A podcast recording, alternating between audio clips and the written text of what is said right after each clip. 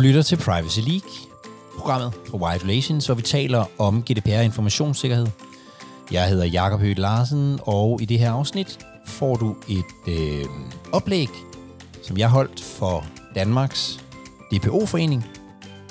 Overskriften på oplægget var Alternativer til centraliseret og juridisk funderet organisering. Og øh, hvis det er noget for dig, så lyt med.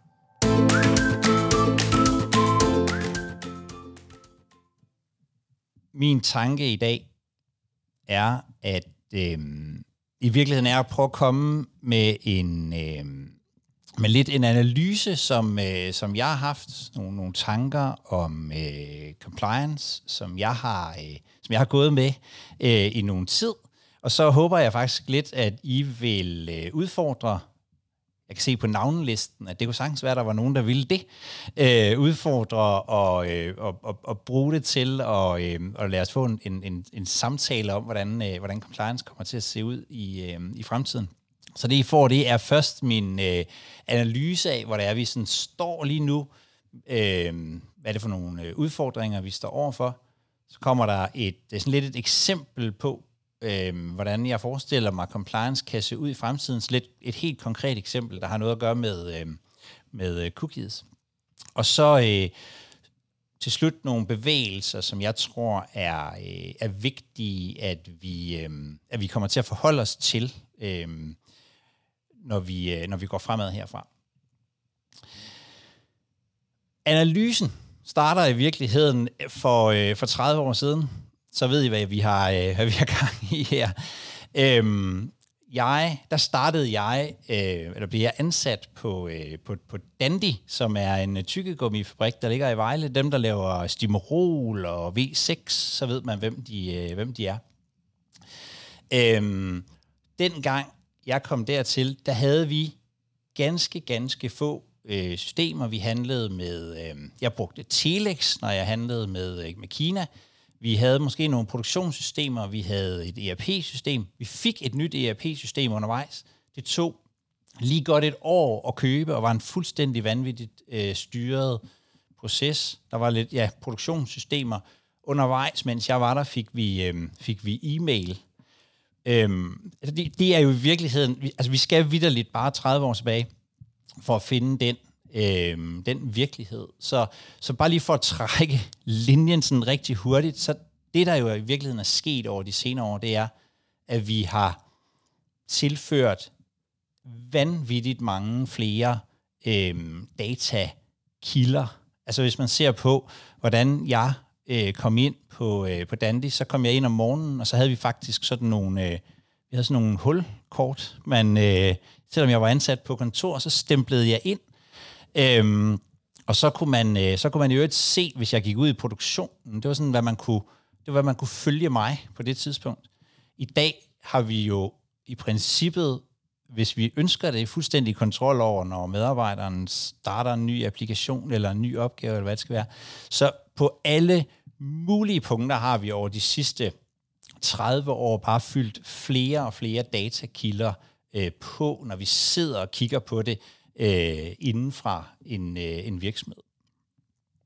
Så har vi øh, mange, mange, mange doblet antallet af systemer, og måske specielt den måde, som vi indkøber øh, systemerne på, hvis man kan sige det på den måde. Vi havde som sagt, vi var i gang med at indføre ERP-system, øh, da jeg startede, jeg var der i to år. Vi havde lige noget lige at få det, øh, før, jeg, øh, før jeg stoppede Øh, vi brugte afsindige ressourcer på og, øh, og lave workshops om, hvordan det her ERP-system skulle øh, se ud.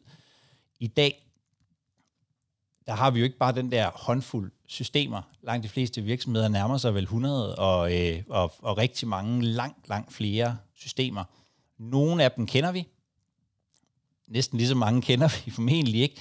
Og i dag kan, øh, kan jeg jo sidde i, øh, eller I kan sidde i compliance, og øh, så er der en eller anden i marketing, der øh, beslutter sig for at indføre et nyt system, som, øh, og det kan måske gøres gratis. Altså det, det, er, jo, det, er jo det er en helt, helt anden øh, virkelighed at stå i. Så er der kommet nye øh, sikkerhedsforanstaltninger, fordi vi jo grundlæggende har opdaget, at vi ligger inde med noget, data og information, som er, øh, som er vigtigt.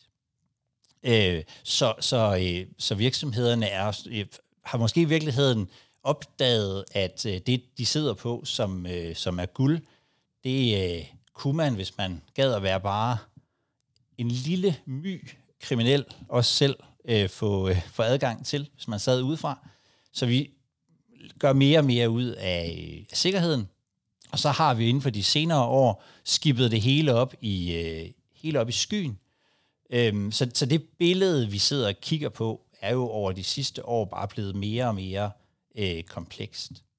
Og så begyndte, øh, hvad hedder det, øh, så begyndte øh, lovgiverne jo i virkeligheden for år tilbage, men, men med stadig intensitet at få kig på det her, og, øh, og med GDPR kom, og så øh, har vi jo i virkeligheden siden da set mere og mere regulering af, hvordan vi indsamler information, hvordan vi øh, bruger og opbevarer information, hvordan vi sikrer det og, og så videre. Det er blevet mere og mere, øh, mere og mere reguleret, og den måde, som vi har reageret på som virksomheder og organisationer, det er ved at skabe øh, de her sådan regulatoriske funktioner. Altså vi, det er måske meget at sige, at vi har fået øh, GDPR-afdelinger øh, i Danmark. Det har vi nogle steder, men, men, men vi har i hvert fald fået GDPR og privacy og øh, informationssikkerhedsfunktioner, øh, som har som mål i virkeligheden at skabe, og sikre, at det vi gør er, er lovligt. Vi har nogle funktioner, som simpelthen sidder og siger til, til de beslutninger, vi træffer, stiller spørgsmålet, er det lovligt? Og det giver jo rigtig meget sådan historisk mening, fordi hvis vi skal være ærlige, der hvor vi blev opmærksom på øh, personoplysninger og hvordan vi øh, arbejder med dem og opbevarer dem og sådan noget, det var, det var jo med, øh, med GDPR. Og der kommer rigtig meget regulering. Det er, sådan, det er meget naturligt i virkeligheden, at vi, at vi har taget den øh, vinkel på det. Da jeg selv øh, var med til at implementere GDPR, var det første, vi gjorde, jo, det var jo at læse lovgivningen igennem og sige, hmm, hvad skal vi? Og så sørge for, at vi fik øh, krydset af i alle de bokse, at vi fik lavet en, nogle fortegnelser, at vi fik lavet nogle risikovurderinger, den slags. Det var i virkeligheden den måde, vi gik til det på. Jeg synes, vi ser flere og flere andre typer af krav til, til vores øh, data og vores øh, information. Øhm, virksomheder, som handler med andre virksomheder, begynder at stille krav til, hvordan vi behandler information, måske specielt hvordan vi sikrer øhm, information. Øhm, almindelige mennesker begynder også stille og roligt at blive opmærksom på, hvordan deres øh, oplysninger, hvordan vi behandler dem, hvordan vi, øh, hvad det egentlig er, vi gør med dem. Det er både dem, vi registrerer, men jo også dem, der kan også være andre, som, som, vores, øh, som vores processer går, går ud over eller påvirker på en eller anden måde. Begynder at stille krav vi ser det både på individniveau, men vi ser det måske specielt lige nu på, øh, på sådan det, man kunne kalde privatlivsaktivistniveau. Altså det er sådan nogen som øh, none of your business. Jeg tror, vi kommer til at se rigtig mange andre interesseorganisationer, som også begynder at udfordre virksomheder og organisationer på det her. Det, er, det, kan, være, det kan være fagforeninger, det kan være patientorganisationer, der godt kunne tænke sig, at der var sådan nogenlunde sikkerhed omkring de der øh, medicinske apparater, der sidder inde i folk. For eksempel, at man ikke alt for nemt kan øh, hacke og bruge oplysningerne fra en insulinpumpe, eksempelvis. Øhm, og så kommer at der også oven i det et, øh, skal man sige, sådan et internt pres fra organisationerne om at, at bruge, gøre brug af de informationer og de data, vi har til sådan i bred forstand værditilvækst øh, i virksomhederne til at skabe øh, til at skabe gode produkter til, øh, til, til virksomheder, øh, til, til, til kunderne øh, og borgerne, hvis det er hvis man ikke er en øh, helt almindelig virksomhed. Øh, og jeg tror, at det betyder, at vi kommer til at skal øh, se compliance øh, bredere at compliance-funktionen ikke kun bliver en sådan en juridisk funderet øh, funktion, som skal sørge for, at tingene er lovligt, men i virkeligheden kommer til at være den funktion, som, skal, som fra et databeskyttelsessynspunkt skal afdække alle de her krav, finde ud af, hvad er det egentlig for nogle krav, der bliver stillet til vores, øh, til vores brug og opbevaring af data, øh, som skal balancere de her øh, krav, prøve at finde ud af, hvad for nogen skal vi leve op til, og i, i hvilket omfang, og der vil være modstridende krav og sådan noget. Så jeg tror i virkeligheden, at vi kommer til at skal over i den form for compliance, som tager højde for flere interessenter end kun øh, de juridiske interessenter. Vi har forholdt os enormt meget. Øh, jeg har sådan en, en, en ugentlig øh, session, hvor vi, hvor vi taler i noget, jeg kalder, vi kalder Privacy League, hvor vi har sådan et, et, et erfamøde. Der taler vi enormt meget om datatilsynet, øh, og hvad Allan Frank i øvrigt måtte mene på et virk, vist givet tidspunkt. Jeg tror, at vi skal tænke til at begynde at tænke det øh, bredere. Og jeg vil prøve at komme med et, øh, et eksempel. Øh, og det eksempel, jeg vil, vil bruge, øh, kan måske, det er måske ikke alle, der sådan lige umiddelbart kan, kan relatere til det, men, men jeg, jeg synes, det er et godt eksempel på noget, nemlig øh, cookie walls, de her øh, når man, øh, når man går ind på et øh, medie, så bliver man mødt med muligheden for enten at kunne øh, betale for at se artiklerne. Det er sådan den ene. Øh, det er den ene mulighed. Den anden mulighed, kan I se, når jeg skifter slides også? Øhm, den anden mulighed, det er, øh, det er så, at man bliver øh, tracket, så de kan vise en annoncer. Og hvis man er en juridisk funderet, sådan regulatorisk øh, compliance-funktion, så vil, man, så vil ens rolle i hele, i hele den forretningsudvikling, der ligger omkring de her cookie walls, det vil jo være at sikre, at det kan gøres lovligt. Så vil man gå ind, man vil kigge på, øh, på de afgørelser, der er kommet fra datatilsynet, man vil kigge på lovgivningen omkring det, man vil kigge på, øh, på, på den, den, de, den vejledning, der er kommet også fra, fra datatilsynet. Måske vil man gå ud i, i verden og kigge på, at der er nogen, der siger noget her. Og så vil man kigge på den løsning, der bliver lavet og sige, okay, er den lovlig? Det vil i virkeligheden være måden at gå til det på.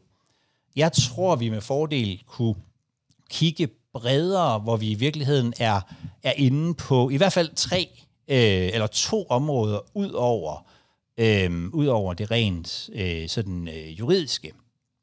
Øhm, det første, det er, at jeg synes, vi som compliance har en opgave i at udfordre øh, forretningsmodeller øh, og forretningsplaner fra et databeskyttelses øh, synspunkt. Og når det handler om øh, når det handler om de her cookie walls, så synes jeg i virkeligheden, der er to steder, hvor det giver mening at gå ind. Det første sted, det er at, at kigge på, giver, giver det i virkeligheden, altså giver den her måde at tjene penge på, giver den, øh, giver den egentlig mening, sådan rent, altså ud fra, også fra et databeskyttelsesmæssigt synspunkt. Øhm, hvor jeg tænker, altså min, det her er min analyse, her kan man bestemt være, øh, være uenig, det er bare sådan en, en indledende analyse af det her problem. Der er min, at medier har i virkeligheden, siden trykpressen blev opfundet, stort set tjent penge på to måder, sådan helt grundlæggende. Det ene har været et abonnement, og det andet har været, øh, hvad hedder det, annonceindtægter.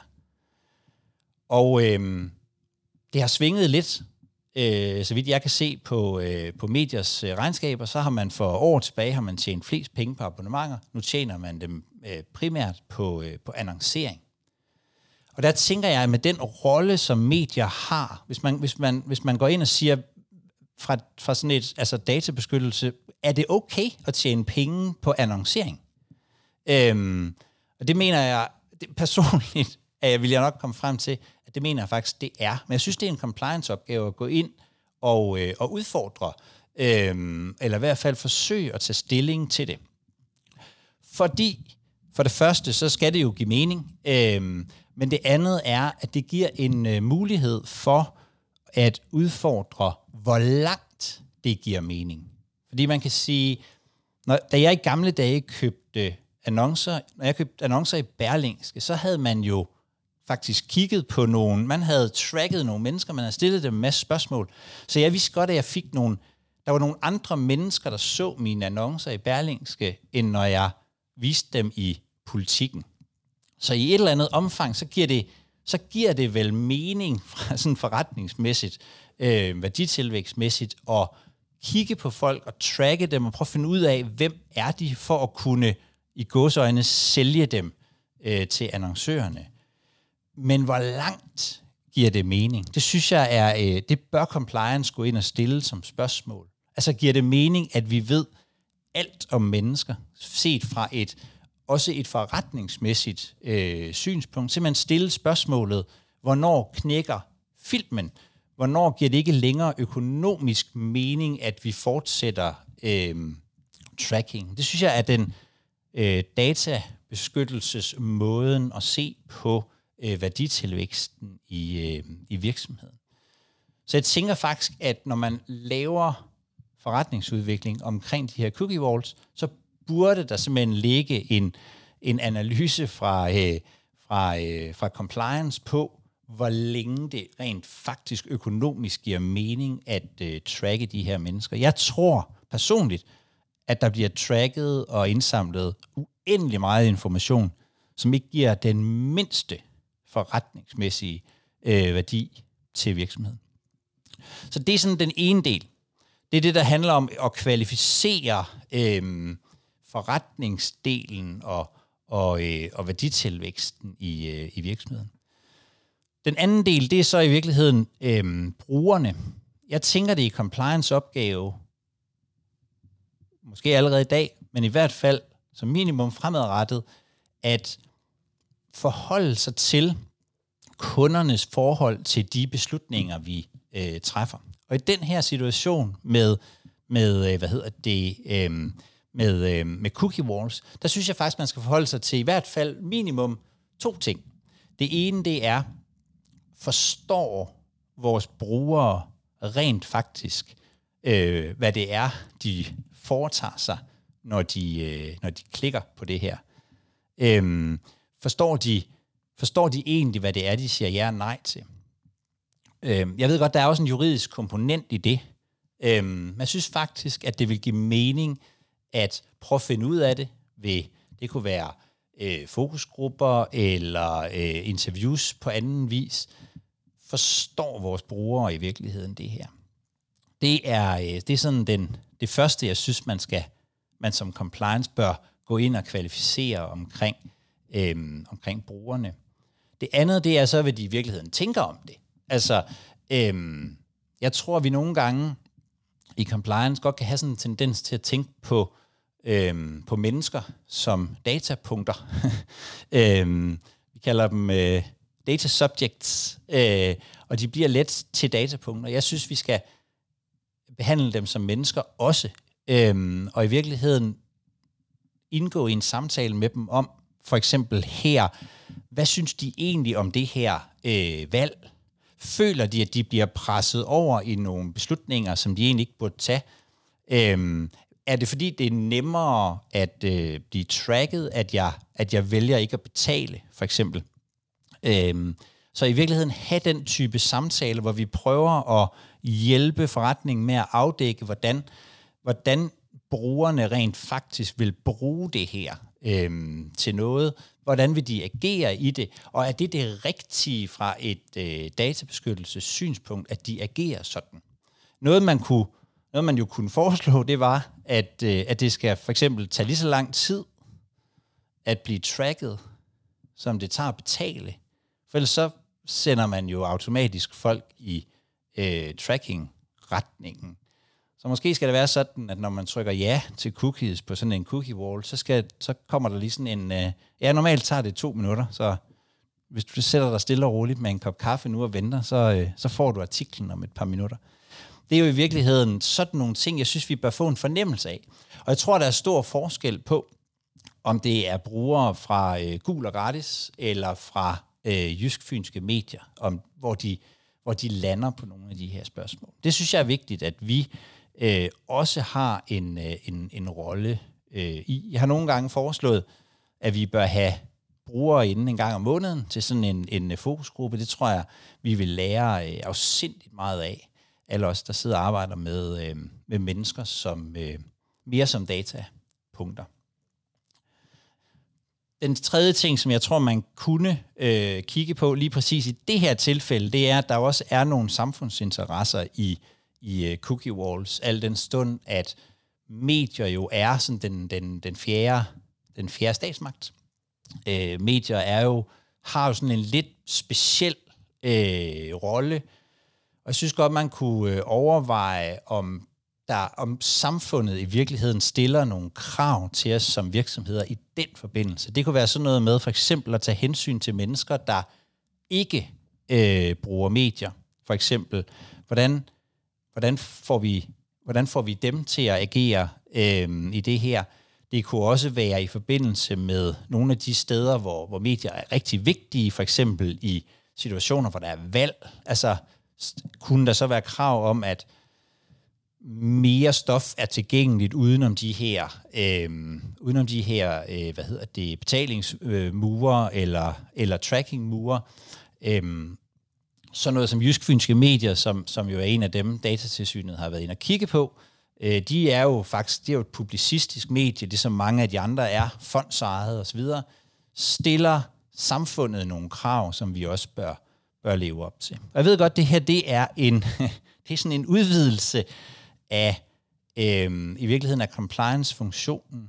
Men jeg synes, der er, jeg tror, der er øh, en, en idé i, i hvert fald, at undersøge, om vi skal bevæge os lidt ned ad den vej i forhold til at sige, til at kvalificere fra en databeskyttelsesvinkel, både kvalificere øh, sådan det forretningsmæssige, kvalificere i forhold til, til nogle af brugerne eller andre interessenter, ud over øh, det juridiske. Simpelthen tage nogle flere af de her interessentgrupper øh, ind. Det glæder jeg mig til at høre, om øh, i er helt vildt uenige med mig i lige om lidt. Det sidste, det er i virkeligheden nogle ting, nogle trends, som jeg tror bliver nødvendige for at kunne komme fra en, øh, fra en compliance-funktion, som kun kigger på det juridiske, til en, som arbejder øh, bredere. Og det er, øh, det er seks forskellige. Jeg skal gøre det forholdsvis øh, kort. Det ene er, det er, det er i virkeligheden det helt sådan overordnede, som jeg i virkeligheden også siger her, det er at komme fra det, som jeg kalder regulatorisk compliance, til det, som jeg så i mangel af bedre, har bare har valgt at døbe bæredygtig øh, compliance. Det er sådan noget med, om det er, at, at man har været vant til at spørge, er det lovligt?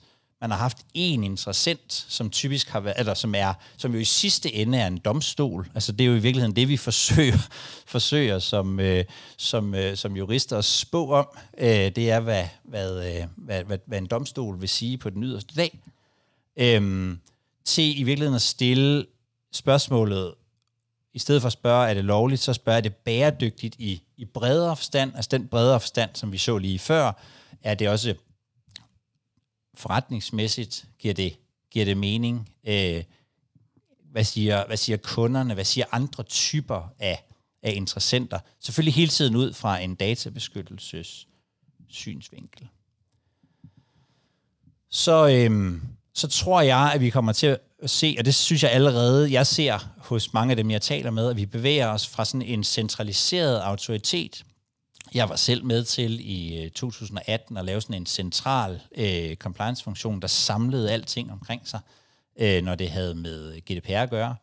Øhm, til at jeg tror, vi kommer til at se nogle mere sådan hybrid-funktioner. Der er rigtig mange, der, der prøver at arbejde med, med at have ambassadører ude i, i organisationerne, men jeg synes faktisk, flere og flere begynder at lægge egentlige opgaver ud i øh, organisationerne. Det kan være tilsyn, det kan være øh, ejerskabet over øh, bestemte behandlingsaktiviteter, som kommer ud og ligge i organisationen.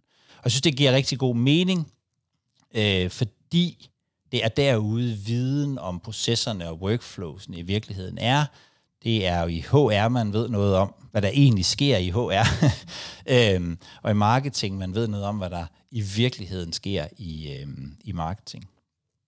Så er der den, øh, den, den tredje, øh, det er øh, at, at vi har i starten, altså der helt tilbage i, i 2002, var vi meget sådan fokuseret på at få, altså det, det jeg kalder tick the box compliance, øh, meget fokuseret på ligesom at få, få, få alting på plads. Øh, det er min oplevelse, at det er efterhånden ved at være på plads de fleste steder. Der er måske sådan nogle ting med risikovurderinger, der godt kunne, der godt kunne være der godt kunne være dybere og sådan noget, men, men, øh, men de fleste steder er der rigtig meget af det lovgivningsmæssige, som er kommet på plads. Øhm, men jeg, men, men vi, vi er måske ikke så gode til at tage andre krav til vores øh, data ind, altså krav fra kunder og kollegaer og interessegrupper og, øh, og sådan noget. Og det tror jeg, vi kommer til at skal arbejde med. Og det betyder jo sådan helt grundlæggende, at vi er nødt til at gå ud og for eksempel afdække kravene på en anden måde. Vi kan ikke længere bare bare i godsøjen, for det kan være svært nok. Vi kan ikke længere bare finde alle kravene til os i, øh, i lovgivningen. Jeg tror også, der, der, der skal vi ud og kigge øh, andre steder. Øhm, så er der det her med at, være fra, at gå fra at være øh, sådan problemorienteret til at være løsningsorienteret. Det er måske sådan lidt en, en for jeg tror faktisk, der har været rigtig mange, der har været løsningsorienteret. Det er virkelig for at pointere, at rigtig mange compliance-afdelinger har ligesom haft et mål. De har haft som mål at sige, er, det, er tingene lovlige, eller er de ikke øh, lovlige? En af mine amerikanske venner kalder, kalder øh, øh, compliance for the house of no, øh, og, og det behøver det ikke nødvendigvis at være, for det kan jo også være the house of yes. Altså, øh, men, men det har været det her ja-nej-svar i forhold til, om noget var lovligt eller ikke øh, var lovligt. Og så har der måske været en tendens til, at hvis ikke noget, noget var klart, altså hvis ikke man kunne sige klart ja, så har man måske haft en tendens til at sige øh, nej. Øhm, og, øh, og det tror jeg risikerer at isolere GDPR og databeskyttelse i længden. Altså vi risikerer at komme i en situation, hvor de andre bare bliver skide trætte af os, hvis, øh, hvis, vi, øh, hvis vi ikke kan sige ja, så siger vi nej, og så øh, måske ovenikøbet fuldt op med en, og hvis du gør det alligevel, så har jeg jo i hvert fald sagt, hvad jeg mener øh, om det. Det er sådan en, det er en lidt irriterende måde, øh, når ens kollegaer øh, gør det. Og jeg ved godt, at der er nogle af jer DPO'er, der skal. Øh, det, må I, det må I så finde en anden form for løsning på. øh, det her, det er nok mere øh, linjefolkene, jeg øh, kigger øh, på øhm, så tror jeg, at vi, øhm, vi kommer til at gå øh, fra, øh, kan man sige, sådan juridisk tænkning og til mere sådan strategisk øh, involvering. De her afdelinger har jo ofte tænkt meget øh, juridisk, fordi udgangspunktet har været persondataforordningen, øhm, og det giver mening, for der er masser af lovgivning på, på øh, området, der kommer mere, og som, øh, som øh, Jesper Løfler muligvis siger lige om lidt, for jeg kan se, at han var på, så, øh, så skal der nok være masser af arbejde til juristerne øh, fremad. Det har vi nemlig diskuteret lidt, og det er jeg i øvrigt fuldstændig enig i. Der er jo masser af juridiske problemstillinger stadigvæk, men jeg tror, at øh, jeg tror, at, at compliance kommer til at få det samme forhold til øh, jura, som HR har til jura. Jeg har selv været ansvarlig for en HR-afdeling, og der er masser af jura i, øh, i HR. Der er masser af ting, der ikke er afklaret, som man faktisk ikke ved, hvordan er. Men dagligdagen handler ikke om jura. Dagligdagen handler om, hvad er det for nogle arbejdsvilkår, vi vil give vores øh, medarbejdere. Hvad er det for nogle... Øh, øh, hvordan får vi løst den her konflikt mellem øh, to, to mennesker i organisationen? Øh, skal, vi, øh, skal vi give en gave til øh, 50-års øh, jubilæet? Det er den type, og som, som ikke nødvendigvis alle sammen har juridiske svar. Og så en gang imellem, så får vi brug for at, og, øh, at, at bortvise nogen, eller vi får brug for at finde ud af, hvad der er op og ned på, om vores kontrakter er lovlige, og alle de her ting. Og der er det sindssygt vigtigt, at vi arbejder med, med, øh, med juraen. Så jeg tror, der er stadigvæk masser af ting, der kommer til at ske øh, på det der øh, punkt øh, juridisk, men jeg tror, vi vil bevæge os over i mere sådan at være en del af forretningen. Så i stedet for at spørge, om det er lovligt, så bliver spørgsmålet, hvordan understøtter vi øh, forretningen? Og så mit sidste punkt, som er, at jeg tror, vi kommer til at gå fra at øh, hvad hedder det, håndtere registreret øh, til rent faktisk at, øh, at have, drage omsorg for, øh, for mennesker. Og det er muligvis min egen kæphest, fordi jeg er ikke sikker på, at jeg ser øh, helt vildt mange øh, bevægelser i den retning øh, i virkeligheden, men jeg hader virkelig ordet, den registrerede. Jeg synes, det er øh, fremmedgørende, øh, utroligt fremmedgørende. Øh, og, øh, og jeg tror, at vi kommer til at skal forholde os meget mere til, at, at mennesker er øh, mennesker. Det håber jeg i hvert fald, at vi, øh, vi kommer til at gøre. Øh, som sagt, så er det en forløbig analyse. Der er øh, øh, masser af øh, løse ender, men jeg håber, at øh, jeg håber, at, øh, at I vil være med til at, øh, at lege med, med det her lille oplæg og, øh, og udfordre og øh, spørge ind og alt muligt andet. Tak for, øh, tak for ordet. Du har lyttet til Privacy League, programmet fra Wired Relations, hvor vi taler om GDPR og informationssikkerhed. Og jeg har faktisk lige startet en podcast på engelsk. Den hedder Sustainable Compliance, og du kan finde den alle de steder, hvor du ellers finder dine podcasts. Den kommer til at bestå af nogle af de samme ting, som er på den her kanal, bare med, kan man sige, muligheden for også at tale med øh, eksperter, der ikke taler dansk. Og øh, i det første afsnit har jeg talt med Rie Valle, som er DPO i Norge. Øhm, eller i virkeligheden er hun sådan internationalt øhm, arbejdende som, øh, som DPO og GDPR-ekspert. Vi taler om, hvordan man holder sig opdateret med alt det, vi har behov for at holde os opdateret med. Den kan du finde på Sustainable Compliance øh, på den podcast-app, som du nu bruger. Jeg håber, at vi også høres ved der.